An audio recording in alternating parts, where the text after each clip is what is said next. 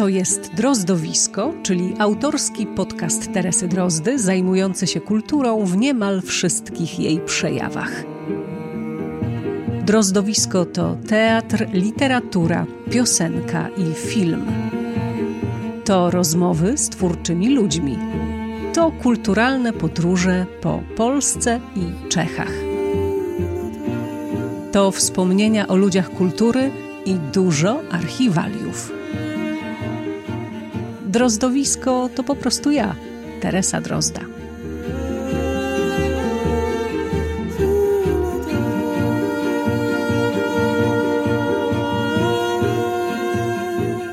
Jest 17 grudnia 2022 roku. Dzień dobry. Dziś w Drozdowisku rozmowa o pasji, jaką jest miłość do teatru i o tym, co z tą pasją można zrobić.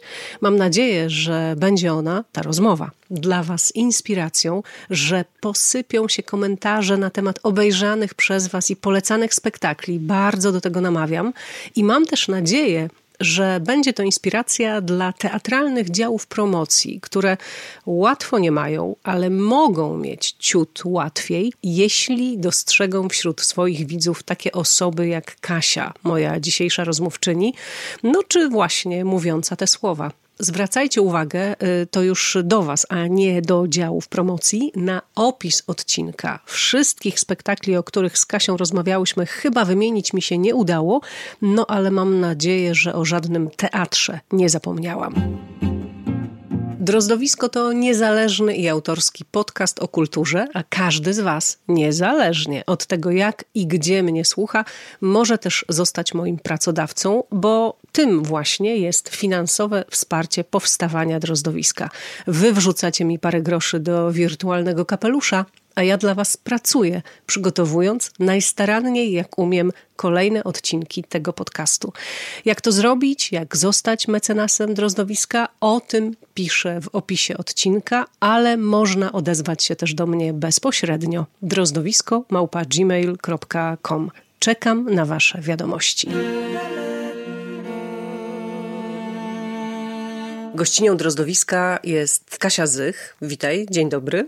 Dzień dobry. Spotykamy się w Opolu. Kilkadziesiąt minut temu e, razem wyszłyśmy z teatru w Opolu, gdzie e, też e, dzięki Twojej pomocy udało się nam z Jackiem obejrzeć spektakl zatytułowany Roch no właśnie, jak go, jak przeczytać ten tytuł? Rotko? Rotko? Rotko. Normalnie, tak. Tak jak, okej, okay, Chociaż jest literówka. Właśnie, specjalnie. specjalnie jest literówka w nazwisku artysty, malarza, którego biografia, historia, filozofia e, patrzenia na sztukę jest wykorzystana w tym spektaklu, jest takim punktem wyjścia. To jest wielka koprodukcja polsko-łotewska. Muszę powiedzieć, że to jest taki spektakl, który mnie trzyma jeszcze tych kilkadziesiąt minut po, po obejrzeniu. Zrobił na mnie wielkie wrażenie. To jest spektakl w reżyserii Łukasza Twarkowskiego, ale ty go widziałaś więcej niż raz. Tak, widziałam go również w kwietniu na premierze i na próbie generalnej. I jest to spektakl, który teraz uderzył we mnie mocniej niż wcześniej. Wcześniej miałam więcej do niego zarzutów, ale nadal uważam, że nie lubię tego spektaklu, ponieważ jest, jest e, zbyt multimedialny. Po prostu to nie jest moja forma teatru. A, w tym sensie. Widzisz, tak. a mnie ta multimedialność, która wkracza do teatru bardzo mocno, e, mocno tutaj nie przeszkadzała. Wręcz przeciwnie, podziwiałam pewną maestrię prowadzenia tych multimediów, bo wydaje mi się, że tak dobrze zrobionych kadrów, tak przemyślanego przenikania się tych światów, tego świata scenicznego i tego świata, który widzimy na ekranie, chyba dawno nie widziałam. E, i to zrobiło na mnie wielkie wrażenie, ale też wrażenie zrobił na mnie w ogóle chyba jednak ten temat, podejście do tematu, to mącenie nam w głowie, bo ten spektakl jest takim jednym wielkim mąceniem nam w głowie i, e, i właśnie te multimedia też temu służą przecież. Yy, tak, oczywiście, ale ja mimo wszystko, że mówię, że go nie lubię, to mnie zachwyca coś takiego, że, że jesteśmy w stanie zrobić coś takiego w teatrze. Że teatr mhm. pozwala również na taką formę.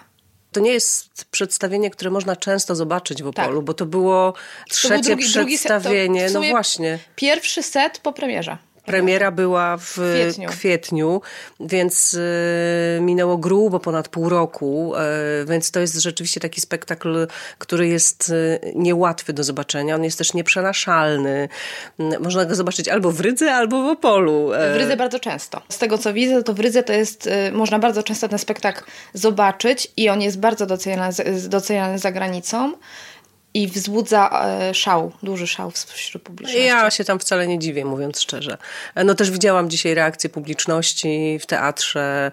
E, no to jest naprawdę niezwykłe zupełnie doświadczenie i niezwykłe przeżycie i pewnie jeszcze z Jackiem któregoś dnia usiądziemy i sobie o tym też w Drozdowisku pogadamy.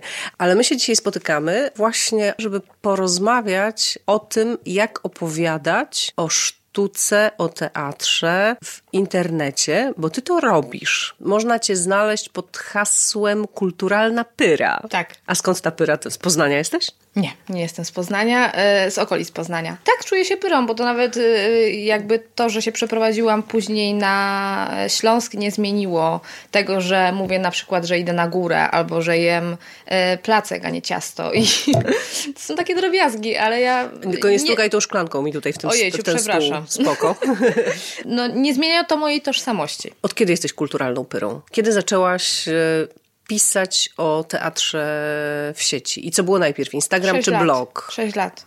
Blog i Instagram jednocześnie. Mhm. Już wiedziałam, że to, to musi być jedno i drugie, bo byłam w trakcie studiów dziennikarskich, więc yy, już wiedziałam, z czym to się je i jak to powinno wyglądać. Mhm. I założyłam tego bloga tylko i wyłącznie dlatego, że na moich studiach dziennikarskich niestety bardzo mało się pisało. I potrzebowałam pisać. praktykowania. Mhm. Potrzebowałam pisać, bo ja na, podczas licencjatu mogę na palcach jednej ręki policzyć, ile napisałam tekstów. Niestety, no to jest y, błąd edukacyjny.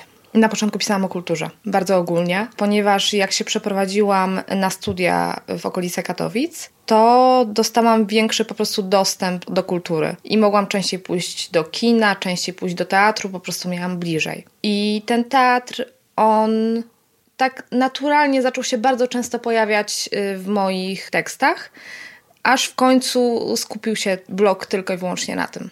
No to opowiedz o takich swoich pierwszych e, olśnieniach teatralnych. Pierwsze olśnienie teatralne było jeszcze długo przed tym, zanim założyłam bloga, bo to było w liceum. I to był Hamlet w Teatrze Polskim w Poznaniu. I to jest w ogóle taka ciekawa historia, że no ja wtedy, wtedy byłam super niedoświadczona, nie widziałam nic, bo do teatru jak mieszkałam właśnie w Wielkopolsce jeździło się tylko i wyłącznie ze szkołą. To było moje jedyne doświadczenie. I jak mówię teraz, jak już jestem w środowisku o tym spektaklu, to wszyscy są w szoku, że to jest mój taki spektakl dla mnie ważny, bo oni uważają, że on był taki słaby i bez sensu. A dla mnie on był super ważny, bo ja się wtedy pierwszy raz zauroczyłam teatrem. Więc to jest taki pierwszy kamień milowy, drugi kamień... A kto to reżyserował, pamiętasz? Paweł Szkotak. A drugi kamień milowy to było Kinky Boots w Teatrze Dramatycznym w Warszawie, e, ponieważ po tym spektaklu zaczęłam się bardzo często pojawiać w Teatrze Dramatycznym, bo mnie zaciekawił ich repertuar. I no, doszłam do takiego momentu, że, że po prostu zostałam zapraszana na premiery, bo zostałam zauważana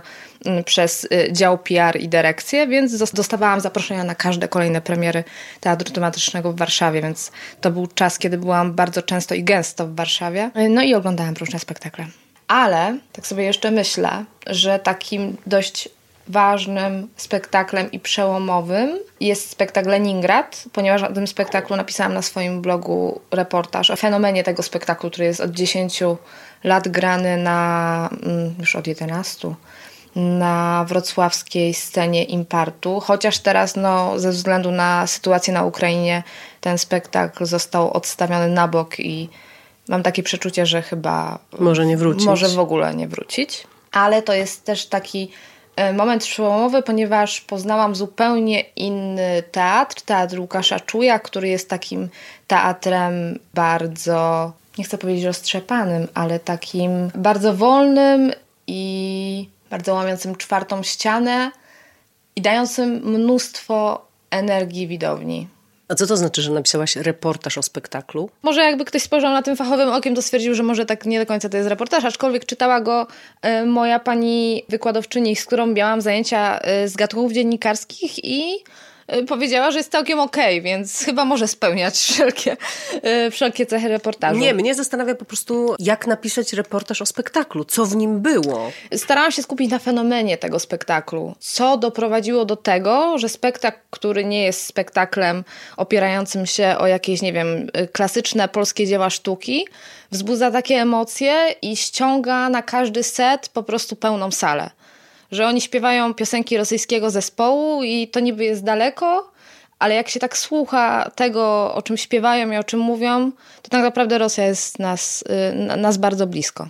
Mm, zespół Leningrad to jest y, zespół, który od lat 90. Y, funkcjonuje w Rosji i można powiedzieć, że miał takie trzy etapy, ponieważ Sergiej Sznurow, lider tego zespołu, na początku był mm, no, tworzyli w latach 90., więc y, funkcjonowali jako taka opozycja wobec władzy. Pojawiła się taka sytuacja, że w ogóle nie mogli grać, mieli zakaz grania w Moskwie. A teraz okazało się, że Sergiej Sznurow, o czym y, pisał w koło notatniku Łukasz Drewniak, okazał się wielkim przyjacielem Putina i jakby jego fani tacy od lat 90., którzy byli z nim, mm, no zwątpili. Zwątpili w prawdziwość swojego idola. Twoja działalność w internecie jest bardzo profesjonalna. Podziwiam to, co robisz, bo ja nie potrafię ani w taki sposób zaplanować postów na Instagramie, ani tak pięknie zrobić tych grafik, ani tego wszystkiego. Po prostu patrzę na ciebie i mówię, kurczę, też bym tak chciała.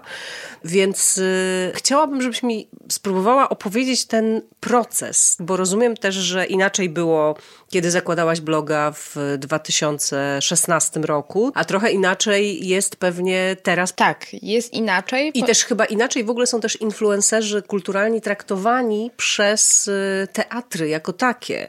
Czy teatry w ogóle zauważają e, istnienie Instagrama na przykład? Zauważają, ale często mam wrażenie, że traktują blogerów nie jak media, że traktują ich jako coś osobnego, co jest udawanym, udawanym medium. Że na przykład krytyk teatralny będzie lepiej potraktowany niż bloger, ponieważ jest krytykiem, ma, nie wiem, doświadczenie, skończył teatrologię, dziennikarstwo, coś tam, coś tam. A blogerzy są często traktowani właśnie tak marginalnie, ale hmm. też nie zawsze. To wszystko zależy od... Od pewnie od teatru, od, od działu teatru, promocji. Od działu promocji, y, od dyrektorów teatrów. Myślę, że w bardzo dobrej sytuacji są y, blogerzy musicalowi ta działka się bardzo mocno ostatnio rozrasta i widać, że, że teatry bardzo doceniają y, ich, ich działalność. No dobra, no a jak było z tym twoim rozwojem? I kiedy się też poczułaś pewna w tym pisaniu o teatrze, czy mówieniu o teatrze? No bo... Ja nadal nie jestem pewna. Właśnie, nie masz, nie masz tego wykształcenia, tak? No, no nie mam, dlatego nadal nie jestem pewna, bo bo nie widziałam tych wszystkich mądrych rzeczy, o których wiele osób opowiada. Nigdy nie widziałam na żywo spektaklu Lupy, nie widziałam na żywo spektaklu Jarzyny, tylko gdzieś sobie tam czytałam o tym pobocznie. Więc generalnie można powiedzieć, że jestem amatorką w tej kwestii.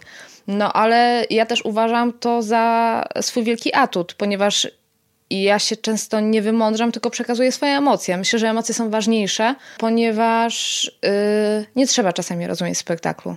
Trzeba po prostu go czuć. Myślę, że na pewno bardzo pewnie się poczułam, kiedy dostałam, za, zaczęłam dostawać zaproszenia z Teatru Dramatycznego w Warszawie. Mhm. Że to było takie... Bo, bo, bo zostałaś doceniona, Bo tak? zostałam doceniona, tak. Mhm. Bo pierwsze zaproszenie, które kiedykolwiek w ogóle do mnie przyszło, to był Teatr Zagłębia w Sosnowcu. No i to było takie jednorazowe, pojawiło się ok.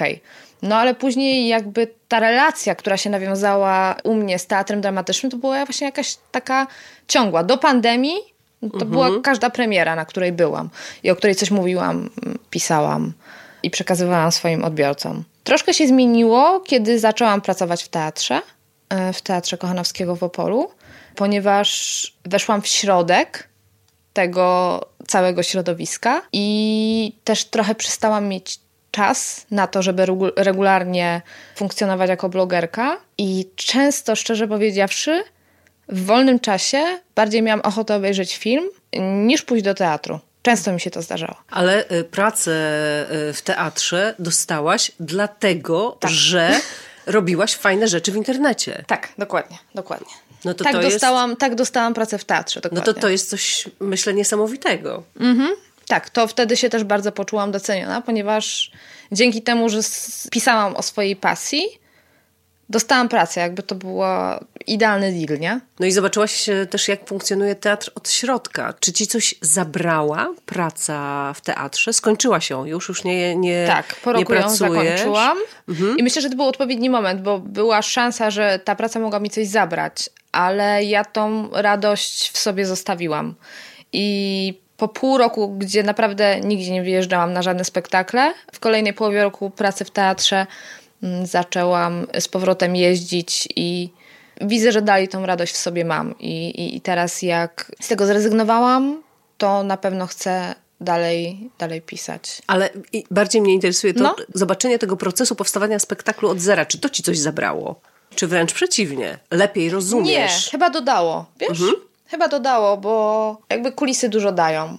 I wiemy na przykład w jakiej atmosferze powstawał spektakl i dlaczego on później na premierze wygląda jak wygląda. Yy, to tak, dodało mi to na pewno. Na 100%. Czujesz się związana bardziej z tymi spektaklami, które powstawały wtedy, kiedy w teatrze pracowałaś? To zależy. To zależy od spektaklu. Naprawdę? Tak. Bo czasami jest tak, że teatr powstaje w takim bardzo zamkniętym, e, zamkniętym otoczeniu. Realizatorzy sobie pracują tam nad tym spektaklem. Aktorzy przychodzą na próby, ciach, Jasne, ciach, nikogo ciach. z zewnątrz, nawet jeśli jest z teatru, Pierwsza nie próba, okej, okay, nie, nie. Pierwsza próba jest oczywiście dla wszystkich. Tam mamy na to wstęp, ale raczej są tacy, tacy bardzo zdystansowani od tego, co się dzieje w teatrze. Ale były takie, jeden był taki spektakl, który bardzo, bardzo mnie do siebie przyciągnął i no i mam, no po prostu atmosfera, którą wytwarzali twórcy y, i aktorzy, którzy pojawiali się w teatrze, no to wszystko we mnie zostało i wiem, że na pewno na temat tego spektaklu nie napiszę żadnej recenzji, bo byłabym Aha. nieobiektywna. Aha. Byłabym nieobiektywna. Ja w no ogóle dobra, sobie ale obiec... poczekaj, no dobra, no? ale czy recenzja w ogóle może być obiektywna? No błagam cię. No generalnie nie. No właśnie. ale no powiedzmy sobie szczerze, że wiem za dużo mhm. na temat tego spektaklu, żeby pisać recenzję. A powiesz, co to za spektakl? Biesy Marcina Wierzchowskiego. To jest spektakl, który kocham, który widziałam yy, sześć razy. Przyjadę siódmy raz, bo to jest spektakl, który odkrywam jak, yy, jak cebula. cebula ma mhm. warstwy, tak? Więc yy, jak byłam na nim na ostatnim secie, to odkrywam zupełnie nowe rzeczy, których nie widziałam wcześniej.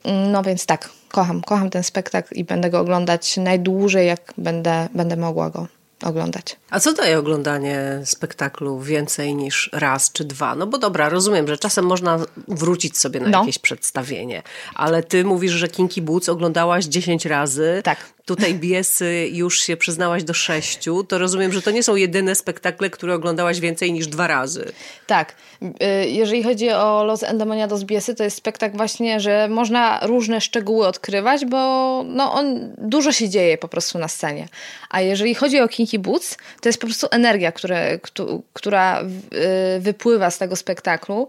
No ja go widziałam 10 razy, ale za każdym razem wychodzę naładowana pozytywną energią. Jak studiowałam jeszcze i na niego jeździłam, to był świetnym takim rozbiegiem przed y, sesją. Bo ja wtedy wychodziłam taka super pozytywnie naładowana i jechałam, trzaskałam tą sesję i było super idealnie. Później wracałam w lipcu na letni przegląd teatru dramatycznego i sobie jeszcze pykałam kinkibus na dobre wakacje. Nie? Y, więc tak, to są dwa takie aspekty. To jest odkrywanie nowych rzeczy i po prostu, jeżeli spektakl ma jakąś dobrą energię, to wchłanianie tego yy, w siebie. No zdarzało mi się, jak pracowałam w teatrze, obejrzeć jakiś spektakl więcej niż jeden raz. Na przykład oglądałam na premierze. No przede wszystkim jako pracownicy teatru mamy próby generalne w obowiązkach. No więc zawsze oglądałam próbę generalną i premierę. Więc to i wychodziło już dwa razy tak na sam rozbieg. Tak po prostu. Mhm. Tak po prostu. Teraz zadam bardzo trudne pytanie. Jak ci się bilansują takie wyjazdy teatralne i w ogóle jak to robisz, że możesz pojechać na drugi koniec Polski obejrzeć jakiś spektakl? No muszę sobie na to zarobić. Raczej bilansuje mi się to w ogóle.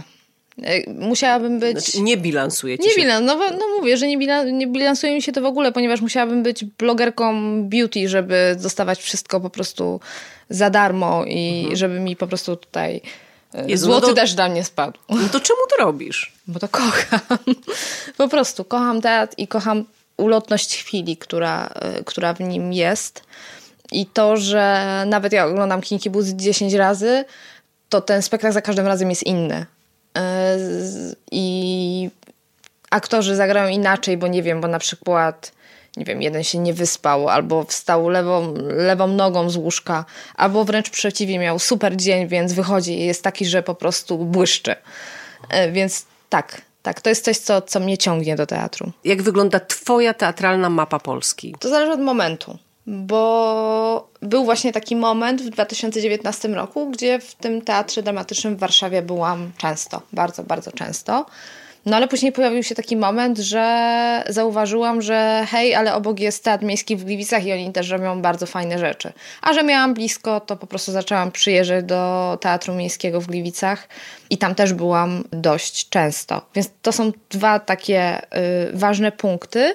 A poza tym bardzo lubię trafiać do takich teatrów, które też nie są w Warszawie. Bo w Warszawie fajnie, jest dużo tych teatrów, można trafić na fajne spektakle, ale... A do jakich teatrów jeszcze w Warszawie oprócz dramatycznego? Hadzasz? Do Syreny na przykład zdarzało mi się. Byłam raz w Ateneum. Ostatnio zaczęłam sobie odkrywać te teatry, w których nigdy nie byłam, czyli byłam w Teerze, byłam w Nowym Teatrze, więc staram się też y, próbować tego, co oferuje y, Warszawa, ale właśnie bardzo lubię to, co też się dzieje poza Warszawą, bo tam też dzieją się bardzo ciekawe rzeczy, a często są yy, niezauważalne. Gliwice, co jeszcze? Gliwice, Gniezno na przykład. A co w Gnieźnie? W Gnieźnie na przykład ostatnio byłam na spektaklu yy, o Freddie Mercurym.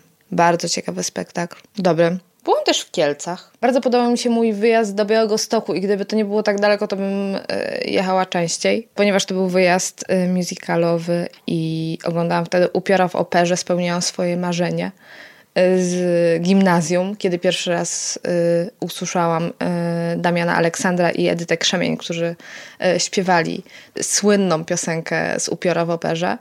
Niestety nie udało mi się na nich trafić konkretnie, ale byłam tak zachwycona, że mogę w końcu to obejrzeć. No ale Białystok jest tak daleko i to jest tak przerażająca droga, że no, Gdzieś ciężko. Spod Katowic do Białego Stoku, tak? Tak, tak, no, no właśnie.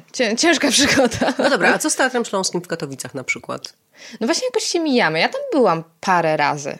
Byłam. Y, byłam na pewno na spektaklu Psu Bracia na podstawie filmów Quentina Tarantino. Świetny spektakl, rzadko grany, ale warto go zobaczyć. Byłam w Teatrze Śląskim również na e, spektaklu Lot nad Kukuczym Gniazdem i tam odkryłam dla siebie e, Dariusza Chojnackiego, mm, aktora, który, e, z którym po jakby po latach spotkałam się e, w teatrze w Opolu, bo Darek Chojnacki występuje w spektaklu Amator 2020. To jest koprodukcja Teatru Opolskiego i, i Katowickiego. Mam trudną relację z Teatrem Śląskim. Nie wiem, jakoś tak, jak dostałam możliwość, że pojechałam sobie tam do Warszawy ten pierwszy raz, jak, zaczą- jak byłam na studiach, to zaczęłam tam jeździć, a jakoś tak troszkę zaniedbałam te takie lokalne poletko. Ale y, jak ostatnio przeglądałam repertuar w perspektywie tego, że wracam z powrotem, e, z powrotem na Śląsk, to widzę, że mam sporo tytułów do nadrobienia i no, na czele z, e, z łaskawymi Mai Kleczewskiej. To myśmy tego też jeszcze nie widzieli. To może zobaczymy razem. Trzeba to zaplanować. Trzeba to zaplanować, jak wszystko. Znaczy, w, ogóle, w, ogóle, w ogóle spotykanie się w teatrze e, z ludźmi jest e, niesamowicie sympatyczne i tak. że wrócę dzisiaj do tego e, Rodko. Sporo osób, znajomych twarzy z Warszawy zobaczyłam tutaj dzisiaj. No tak jak powiedziałaś, to był drugi set dopiero grany w Polsce tego spektaklu, a fama poszła, że, że to jest coś wyjątkowego i niezwykłego i naprawdę dzisiaj na widowni widziałam kilka twarzy, kilka osób, które na pewno przyjechały na ten spektakl. Specjalnie, tak. Specjalnie i z daleka. Tak, fajnie jest oglądać rzeczy razem i to jest coś, co ja bardzo doceniam w tych moich y, podróżach teatralnych i też w tej mojej działalności blogowej, bo my też przecież poznałyśmy się na, poznałyśmy się na Instagramie tak, przecież. no poznałyśmy się na Instagramie. A ja mam tyle znajomych z Instagrama przez tą moją działalność blogową. Na przykład poznałam się z dziewczynami, które też były na spektaklu Kinky Boots na Instagramie. No i po kilku miesiącach w ogóle zorganizowałyśmy taką akcję, że przebrałyśmy się za postacie z Kinky Boots i poszłyśmy tak na spektakl. Y, więc i pamiętam wtedy, że reżyserka tego spektaklu Ewelina Pietrowiak napisała nam y, na Instagramie po tym naszym wyjściu, że jeżeli to jest prawda, że my się poznałyśmy dzięki temu spektaklowi i zrobiłyśmy taką rzecz dzięki miłości do, do tego tytułu, to to jest najlepszy efekt, jaki ona mogła uzyskać, tworząc to. Tak też myślę i, i dlatego myślę sobie też, że ten teatr na Instagramie robiony przez widzów, bo, bo właściwie już chyba można też powiedzieć o takim trendzie. Tak. To jest coś absolutnie mm, niesamowitego. Jak przez chwilę próbowałam po każdym naszym spektaklu, po każdym naszym wyjściu z Jackiem do teatru wrzucać takie hiper, mikro recenzyjki na Instastory i potem je zapisywać tam w, w, w tych takich za wyróżnionych relacjach. Tak. Ale kiedy się okazało, że można zapisać na Instagramie tylko 100 tych wyróżnionych relacji, a na jednym kafelku mi się to nigdy nie udawało zrobić. Tak. E, czyli, że nawet jeden rok mi się nie mieści w tej jednej wyróżnionej relacji, no to trochę odpuściłam, mówiąc szczerze, bo chciałam sobie to też zapisywać do pamięci, tak dla, dla siebie, siebie, tak, tak na, na, na gorąco, po prostu jakąś taką emocję, która zostaje po spektaklu. No, ale Instagram mnie trochę do tego zniechęcił i jego ograniczenia. Tak, tak, tak, prawda, prawda. To czasami ogranicza w pewien sposób.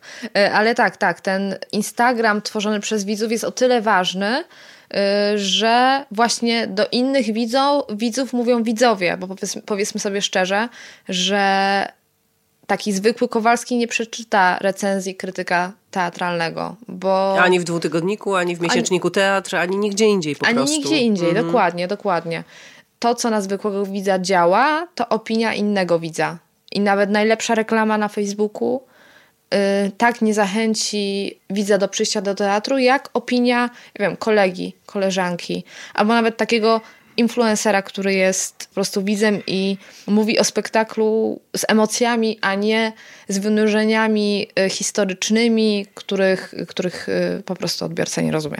Jak widzisz rozwój tego E, no właśnie, teatralnego Instagrama. Czy on ma taką szansę na przykład jak Bookstagram? No bo Bookstagram jest strasznie silny. To wszystko zależy, ponieważ jeżeli bloger zajmuje się musicalem, to jest duża szansa na rozwój, ponieważ mhm. No, ludzie lubią musicale, bo musicale są proste, są przyjemne w większości. Dużo piszesz też o musicalach. Bo lubię. Nie. Nie? Nie, nie. nie? Już teraz rzadziej. Okej. Okay. Teraz rzadziej.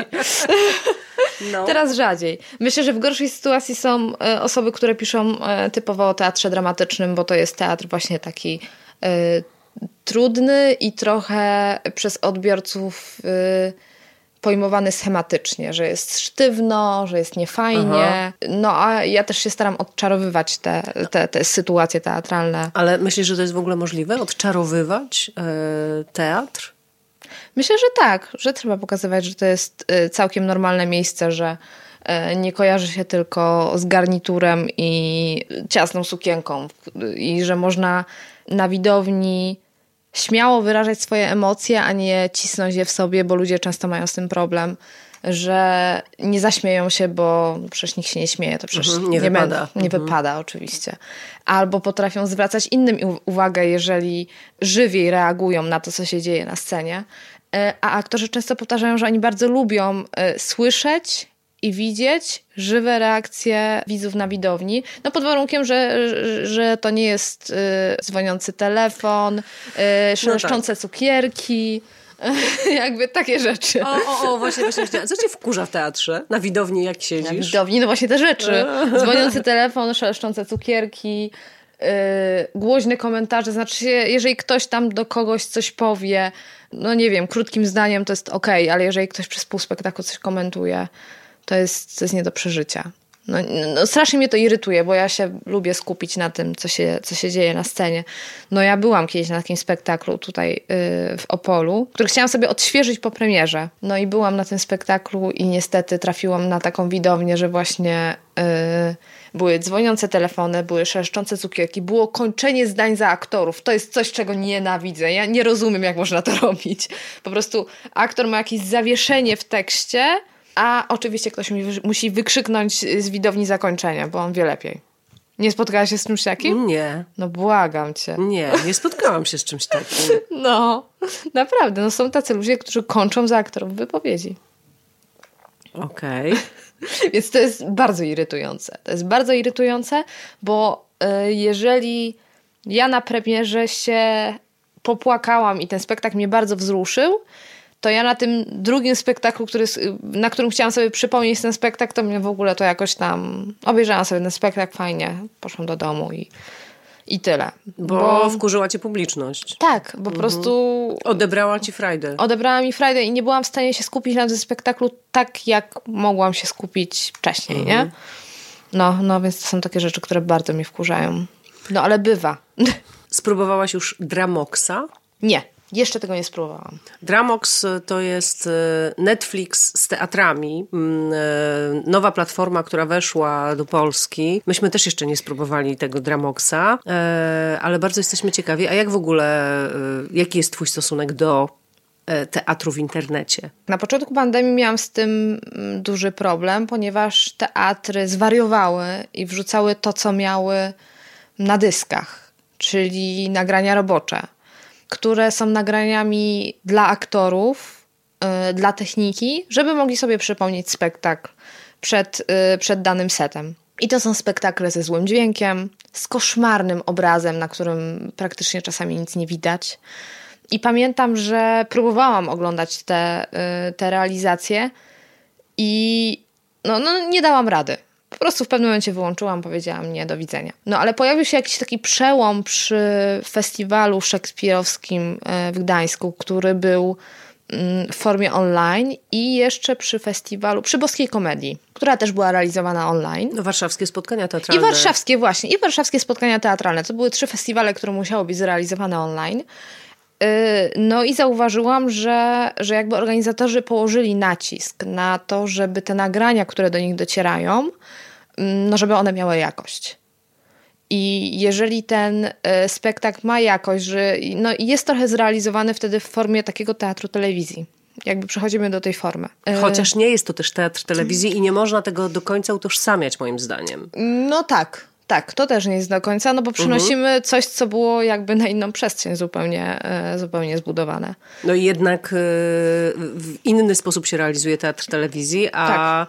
jednak te realizacje z teatru są realizowane w teatrze i to jest tak. próba jak najwierniejszego, mimo wszystko, oddania tego, co się dzieje na scenie. Tak, ale zawsze ucinamy, bo kamera pokazuje tak, no oczywiście. jeden, jeden wycinek. Nie mhm. mamy całego oglądu sytuacji ale myślę, że, że to może być jakieś wyjście. Bo mhm. są takie osoby, które nie są w stanie dotrzeć do teatru, bo nie wiem, bo mają daleko.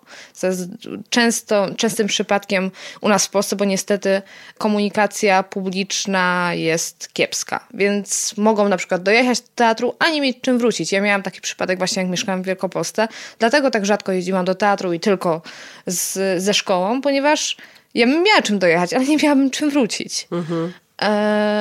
Tak, ja pamiętam, ktoś mi opowiadał taką anegdotę, anegdotę, historię o pani w Białymstoku, mhm. a propos, która przychodziła na wszystkie spektakle w ogóle, jakie były pokazywane w teatrze w Białymstoku, tylko na ogół wychodziła 10-15 y, minut przed końcem spektaklu. Okay. I któregoś razu ktoś ją zapytał, ale w ogóle dlaczego? O co chodzi? A ona mówi, no bo mi odjeżdża ostatni autobus. A ja strasznie tego nie lubię. Wychodzić, ja pamiętam, że miałam No taki... oczywiście, no to jest, tak, to jest straszne, ale jednocześnie straszne. piękna jest ta determinacja, ta konieczność, ta potrzeba tak. przyjeżdżania, mimo tego, że nie, wiem, z góry wiem, że nie zobaczę tego do końca. Tak. Ale tak. mimo wszystko kupuję bilet i przyjeżdżam. Mhm. Coś absolutnie wspaniałego. No więc wydaje mi się, że to jest jakaś opcja dla tych osób, które nie mają takiego mhm. dostępu do kultury, jak mają osoby, które mieszkają w dużych miastach. Mm, to są właśnie osoby, które mają problem z komunikacją, nie wiem, mają jakieś chore osoby w domu i tak dalej, nie mają możliwości, żeby po prostu dojechać do teatru. To więc myślę, że to jest super opcja dla nich. Ale też dla osób, które kochają teatr, a na przykład, nie wiem, nie mają y, szans, żeby pojechać za granicę, obejrzeć jakiś spektakl, bo na Dramoxie są spektakle y, zagraniczne, prawda? Też. Tak, no właśnie. Ale nie? żadna z nas jeszcze tego nie sprawdziła, więc... Nie sprawdziłyśmy tego, więc gdybamy. więc nie, no nie, nie gdybamy, opieramy się na informacjach, które dostałyśmy z Dramoxa. Dokładnie. E, natomiast y, miałam nadzieję, że może już właśnie sprawdziłaś i zobaczyłaś, co tam nie, jest. Nie, właśnie nie sprawdziłam. Nie było nie czasu. Nie sprawdziłam, nie było czasu. Tak, Dramox, tak, jest, Dramox jest jakieś półtora miesiąca dopiero w Polsce, tak. więc y, no po prostu rzeczywiście e, trzeba się zebrać. Może teraz w czasie tego świąteczna, świąteczna przerwa będzie, więc może będzie chwila, żeby tam zajrzeć zajrzeć. Tak, ale myślę, że to jest przyszłość. Że to jest przyszłość, że Naprawdę? to jest jakaś... Myślisz, że to jest przyszłość? Tak, że to jest jakaś alternatywa. Mhm. Po prostu dla osób, które y, chcą oglądać teatr, a nie mają możliwości. To jest też możliwość, że bo ludziom często jak spektakl im się nie podoba, to boją się czasami wyjść z widowni, bo wszyscy będą widzieć Aha. i tak dalej. A po prostu jak im się nie podoba spektakl, który oglądają w internecie, to klikają X. Nie mają, nie muszą go oglądać, nikt tego nie widzi. Zamknęli. Jasne, przestajemy oglądać. No. Przestajemy oglądać, mhm. po prostu jak film. Więc to jest jakaś opcja, jakaś przyszłość, ale na pewno nie zastąpi to y, sztuki w takim y, pełnym wymiarze. Żywego teatru, no. Tak, tak. tak. No to, to wiadomo, no tak jak muzyka z, ze Spotify'a nie zastąpi koncertu, tak samo teatr w internecie nie zastąpi teatru żywego planu. Nie ma, tak. nie ma, nie ma takiej opcji, tutaj się zgadzamy, ale no tak, to może być jakaś alternatywa, czy jakieś uzupełnienie e, dla, i dla nas, które mamy możliwość i, i e, szansę na to, żeby chodzić do teatru, mm, ale też właśnie dla kogoś, kto takiej możliwości e, nie ma. No widzisz, albo jak ktoś ma ulubiony spektakl, to może go wtedy, wiesz, odtwarzać na pętli. Pod warunkiem, że on tam będzie. Bo Pod to, warunkiem, że on tam będzie, dokładnie. Bo to też nigdy do końca nie wiadomo. Prawda. Powiedz mi jeszcze na koniec, jak ty myślisz o tym swoim blogu i Instagramie? Co jest ważniejsze, blog czy Instagram? Czy w ogóle to jakkolwiek ważysz? I jak ty o tym myślisz? Czy w jakikolwiek sposób kalkulujesz, co się bardziej kliknie, co mniej? Czy y, idziesz całkowicie za, za sercem i za własną intuicją? Jeżeli chodzi o medium, to wiem, że w obecnym momencie bardziej opłacalne jest inwestowanie y, w social media, czyli Instagram, Facebook. Na Facebooku też jesteś, tak? Mhm. Masz... Tak, mhm. tak, Czyli tak, masz tak. też e, tak, kulturalną ale, pyrę. Dokładnie, ale to jest miejsce, gdzie, y, gdzie wrzucam treści powielone z Instagrama, bo gdybym miała myśleć osobno na treści na Facebooka, na Instagram, nie po prostu nie mam czasami na to czasu. Wolę y, kliknąć sobie przy publikowaniu postu na Instagramie, opublikuję również na Facebooku i wtedy to puszczam. Czasami robię tak, tak, że puszczam tylko na Instagramie, bo wiem, że to tylko może się znaleźć. Tutaj nie musi być tego na Facebooku. Mm, więc jeżeli chodzi o medium, to tak.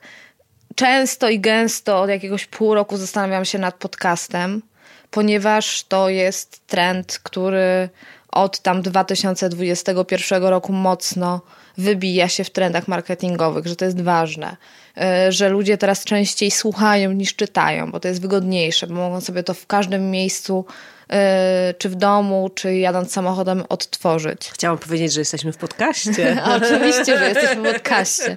I to jest super wygodne. Ja to mhm. sama też po sobie widzę, że ja częściej słucham niż czytam teraz. Mhm bo mogę jednocześnie, nie wiem, sprzątać pokój, mogę. Często przed snem też słucham podcastów. Czasami one są dla mnie usypiające, na przykład. Bardzo lubię słuchać podcastu Piąte Nie Zabijaj, ale jestem z nim e, bardzo na bieżąco. A Justyna, e, która prowadzi ten podcast, ma na tyle usypie, e, może usypiający głos to jest źle, źle brzmi, ale ma taki super jednostajny głos, że ja mhm. puszczam sobie te stare odcinki i ja po prostu przy nich zasypiam. One tam mówią o strasznych rzeczach, ponieważ to jest podcast kryminalny. Okej, okay. mam nadzieję, że drozdowisko cię nie usypia. nie, właśnie tego nie puszczam sobie do usypiania. Och, dziękuję ci bardzo. nie puszczam sobie tego do usypiania. Więc mam takie marzenie, cały czas na ten temat myślę, żeby może się bardziej na tym skupić niż, e, niż na pisaniu. E, no ale to jeszcze jest w sferze przemyśleń. A to, o czym piszę, to zawsze wynika z tego, co, e, co jest dla mnie ważne. Jakby ja się nie opieram na trendach. Staram się często dla swoich odbiorców odkrywać takie spektakle, które nie są w takim mainstreamie, nie? Ponieważ, y, no bo to też jest ważne, bo czasami no, no, no, nie wiem, no nie chcę mówić, że działy promocji funkcjonują źle, ale żyjemy w takim natłoku informacji, że nie jesteśmy w stanie przyswoić wszystkich ciekawych treści, które mogą do nas trafić. Mm, I wtedy no wtedy potrzebujemy takiego przewodnika, który może podrzucić fajną rzecz. Bardzo to rozumiem i mnie przyświeca bardzo podobna filozofia. Nie trendy, tak. tylko to, co z jakiegoś powodu jest e, interesujące dla mnie. Mam nadzieję, że może być interesujące dla moich odbiorców, jeśli ja im o tym opowiem, jeśli im to pokażę palcem. Tak, tak, bo jeżeli ty yy, mówisz o tym, co cię fascynuje, co, co, co kochasz, to ty mówisz o tym z taką, taką prawdą. I to bardziej dociera do odbiorcy niż to, co robisz na przykład o, o rzeczy, którą, nie wiem, musisz, bo nie wiem. Bo coś tam. Bo coś tam. No, no. różne są powody. No nie? na szczęście ja już teraz nic nie muszę. I ty, jest... też, nic, i ty też nic tak, nie musisz. ja też nic nie muszę i to jest fantastyczna sytuacja. Mhm. Bardzo ci dziękuję. Ja też Ci dziękuję. Katarzyna Zych, Kulturalna Pyra. Obserwujcie na Instagramie, obserwujcie na Facebooku i e, czytajcie na blogu, a jak dobrze pójdzie, to niedługo będziecie mogli też Kasi słuchać, no bo słyszycie, mówi całkiem fajnie. Dziękuję. I ja dziękuję jeszcze raz i mam nadzieję z Kasią, ale też z Wami spotykać się w teatrze. Koniecznie zostawcie komentarz, koniecznie podzielcie się swoimi teatralnymi doświadczeniami. No i oczywiście, jeśli się Wam podobało, zostawcie łapkę w górę. Teresa Drozda, do usłyszenia.